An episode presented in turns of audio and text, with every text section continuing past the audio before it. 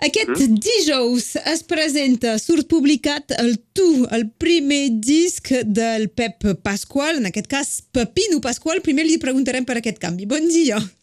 Bon dia i bona hora. Pep o Pepino? Doncs les dues coses. Soc Pep Pasqual i Pepino Pasqual. D'on ve el Pepino?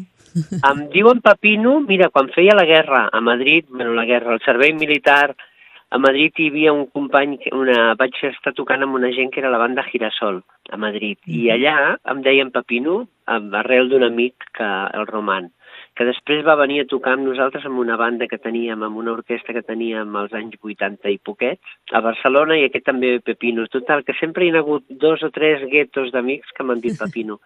I fa 10, 12 o 13 anys hi ha un altre Pep Pasqual, trompetista de Copla, hi ha un altre Pep Pasqual, hi ha un parell de Pep Pasquals músics, i llavors el, els mails, els, el, els Facebooks estaven ocupats i, i començava a fer un espectacle jo sol, i tam, ah, bueno, sí, en concert que feia jo sol, i llavors vaig pensar que era el moment de dir-me Pepino, vaig fer com un canvi. Sí, des dels 80 que em deien, alguns amics em diuen Pepino, però no tothom, eh? soc més Pep Pasqual, i em sento quasi més Pep Pasqual personalment. era, Però, era per l'ocupació de l'espai mediàtic i, i de xarxes. Una mica, una mica ha vingut així i llavors ara, d'algun cop, jo estat dubtant, eh? he estat a punt de, de, dir, de fer el disc com a Pep Pasqual, però, però mira, buscant coses trobo les coses més recents i més meves, que són el, el meu passat immediat, estan més, són més com a Pepino que com a Pep és un joc. Sí.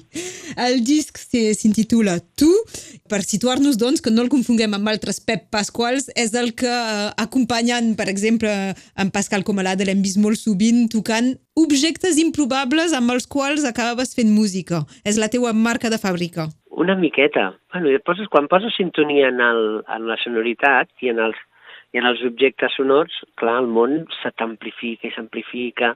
Jo ja els feia servir per fer moltes bandes sonores per titellaires, per, per, per, per teatre, per clowns, per pallassos, i els feia servir perquè mai tenia pressupost per, per llogar músics ni per llogar estudi. Total, com ho gravava jo i els objectes però, de tota manera, va haver un punt en què vaig trobar que els objectes i els instruments desprenen molta informació, moltíssima. Instruments que amb un parell de notes t'estan descrivint, com els idiomes, una manera d'entendre el món, una manera de viure, un paisatge, una manera de cuinar. I llavors tota aquesta, tota aquesta informació la fa servir d'una manera o d'una altra al, al composar músiques. Doncs, evidentment, has participat a molts discos, molts concerts, moltes gravacions, sí. eh, i fa temps que tenies ganes de fer un disc eh, de, de, del teu propi treball?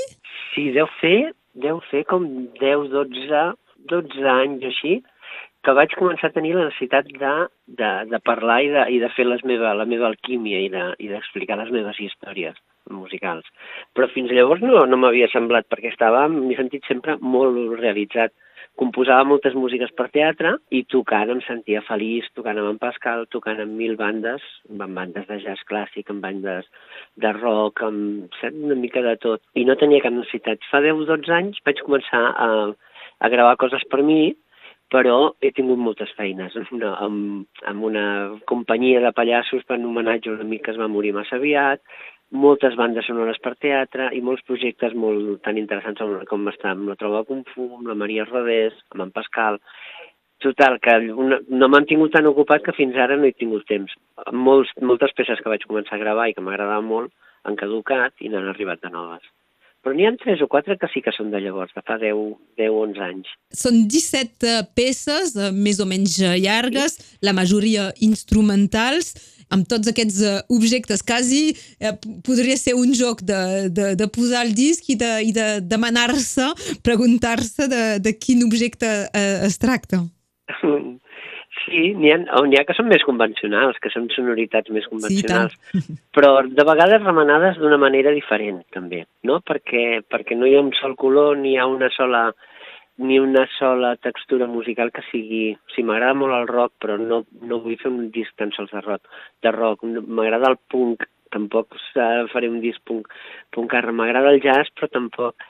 Total, que llavors remena, si fas, fas servir tot tipus d'ambients sonors, i et serveixes d'aquests ambients clàssics i de vegades d'alguns inventats. i alguns que, que surten del joc. Però l'important finalment és el que expliques, és provocar emoció, provocar alegria, mm, plor, fer pessigolles, saps? fer ballar. És que ets tu que toques tota l'estona o tens col·laboracions? Hi ha unes quantes col·laboracions. Toco molt jo, en alguns temes toco jo sol, però tinc molt, molts i bons amics que, que m'acompanyen. Perquè això ho permet l'estudi, és a dir, que pots tocar en el mateix tema diversos uh, instruments, amb sí. pistes diferents. Sí, alguns els he tocat tot, totalment jo, hi ha molt, molt instrument, o, però mira, el primer tema del disc, per exemple, són tres veus de dona, uh mhm. -huh que, que és un tema que parla, bueno, que seria com la, la terra. No parla perquè canten, però no, no hi ha cap lletra, perquè no cal, perquè és, és allò com les dones parlen, no? I, en canvi, el segon tema el toco tot jo, però hi ha el meu fill que m'ha gravat un, un acordeon. Què més? Tinc col·laboradors, bueno, estimadíssims com en Pascal, perquè toquem un, fem una versió d'un tema seu que, que, vam, que vam gravar em va demanar en un disc seu, em va demanar unes, unes trompetetes de plàstic, li vaig gravar i ell va fer una alquímia diferent. I jo li vaig dir, Pascal, m'encantaria que estiguessis en el meu disc i aquell tema m'agradaria fer l'alquímia de les pistes tal com jo les vaig gravar quan te les vaig donar. I sí, sí, ho hem fet i ens hem posat d'acord i hem remenat les, totes les pistes i estem encantats. Mm. Molt bé. L'història... Casasses, tinc alguns amics, bons amics músics també, que de les Catalunyes i de tot arreu. O de vegades moltes, molts amics músics i no músics, algun poeta i així, que també hem vingut a tocar paelles i olles per acompanyar un tema que jo toco molt clarinet. Hi ha, hi ha molt color. Estem parlant amb Pep Pasqual, Pepino Pasqual, de Tu, el seu primer disc que surt publicat aquest dijous 17 de novembre. Estem uh, dissecant una mica uh, aquesta, uh, aquestes pistes. No sé amb, amb quina voldràs que acabem l'entrevista al final, quan haurem acabat, posaré un dels 17 temes. Amb quin, quin posaries tu? Uala, quin posaria? Uf. I per què? És que n'hi ha molts que m'agraden moltíssim, moltíssim. Depèn del que vulgueu fer. On voleu anar? Voleu anar per a ballar o voleu anar per a... Teniu una idea de, de, de l'ambient del, del disc i del teu univers? Hmm. Mira, doncs et diria el Willow Whip for Me, que és la pista 16, o també, mira, és, bueno, m'honora molt que hagi vingut l'Enric Casasses, el trenc, el, la pista 8. L'Enric Casasses, que, que hem fet molts concerts amb en Pascal i amb ell també n'hem fet alguns i tal, eh, li vaig proposar un bufant fer i fem polles i ell va venir amb un trenc i és una meravella. És un honor que hagi vingut. Un home savi, sempre toca. Qualsevol cosa i sempre toca. en una vida musical uh, o, de, o de músic, uh, a quin moment passa de ser um, curiós, estrany de tocar uh, amb, una, amb una serra, uh, amb una cafetera, a, a ser uh, genial? La visió dels altres, eh, parlo? Sí, no sé. És que tot va venint sol, va venint sol. Tu vas, vas ampliant la teva, la teva mirada uh, sonora i veus de la fantasia i, i, i cada instrument i cada tipus de textura té, té llum i té molt, molt de color. Llavors comences a remenar-ho i remenar-ho, clar, hi ha instruments com la serra que sí que et sedueix. Primer jugues superficialment, bueno, jugues una miqueta i finalment és el teu instrument, perquè és un instrument meravellós. Jo en realitat recordo que una cançó de Lluís Llach del, del disc Verges, hi havia una cançó que la vaig escoltar cents i cents de vegades perquè hi havia uns sintetitzadors que em recordaven la serra. Jo crec que la serra és un, una sonoritat que de petit em va seduir i que jo havia oblidat perquè hi havia un programa infantil que hi havia un personatge que jo no el recordo, que m'han dit que tocava la serra. I aquest so, sempre que el sentia, uf, a mi em posava i llavors el, vaig aconseguir que un amic que la tocava em gravés un samples. L'he fet servir amb els meus samples per les meves composicions moltíssimes vegades, fins que finalment aquest amic em va dir, per què no la toques tu? I me'l va deixar i vaig dir, home, i tant, i sóc molt feliç. I a partir de quan comença com, com un joc d'un nou objecte i fer-ne música a, a, a dir, mira, el domino prou per posar-lo a l'escenari? Quant de temps mm. passa? Depèn de quin objecte. Hi ha objectes que són...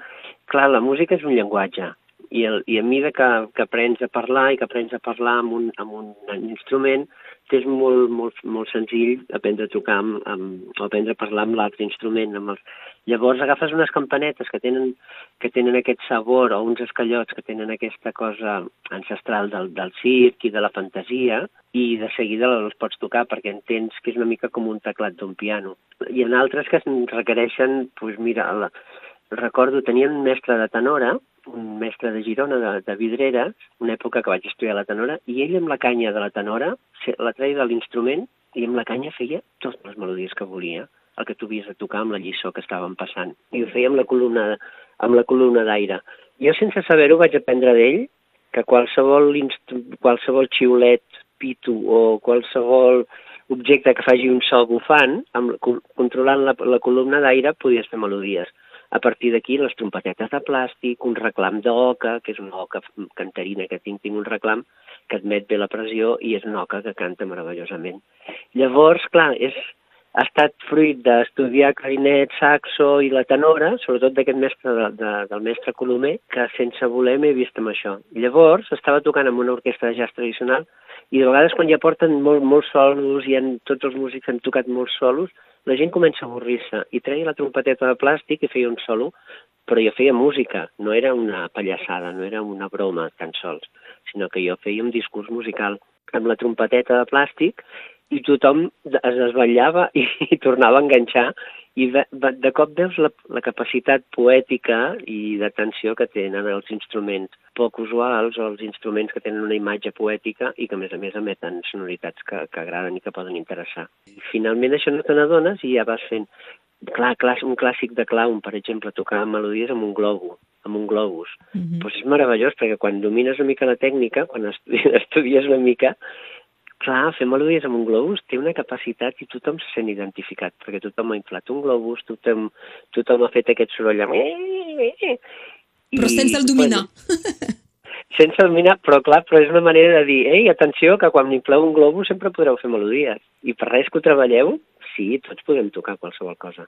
I la màgia de, de, de tenir la sensació que no pas que és el primer cop que ho toques, però en tot cas que és quasi improvisat i de fet molt, molt treballat i, en fi, per descobrir l'univers musical de Pepino Pasqual us recomanem evidentment aquest disc Tu, 17 eh, temes, uh, surt publicat aquest dijous 17 de novembre i suposo que és disponible també a totes les plataformes, no? Sí, sí, sí em, em diuen que ho pengen a totes, a totes les plataformes, fins i tot a les de la Xina.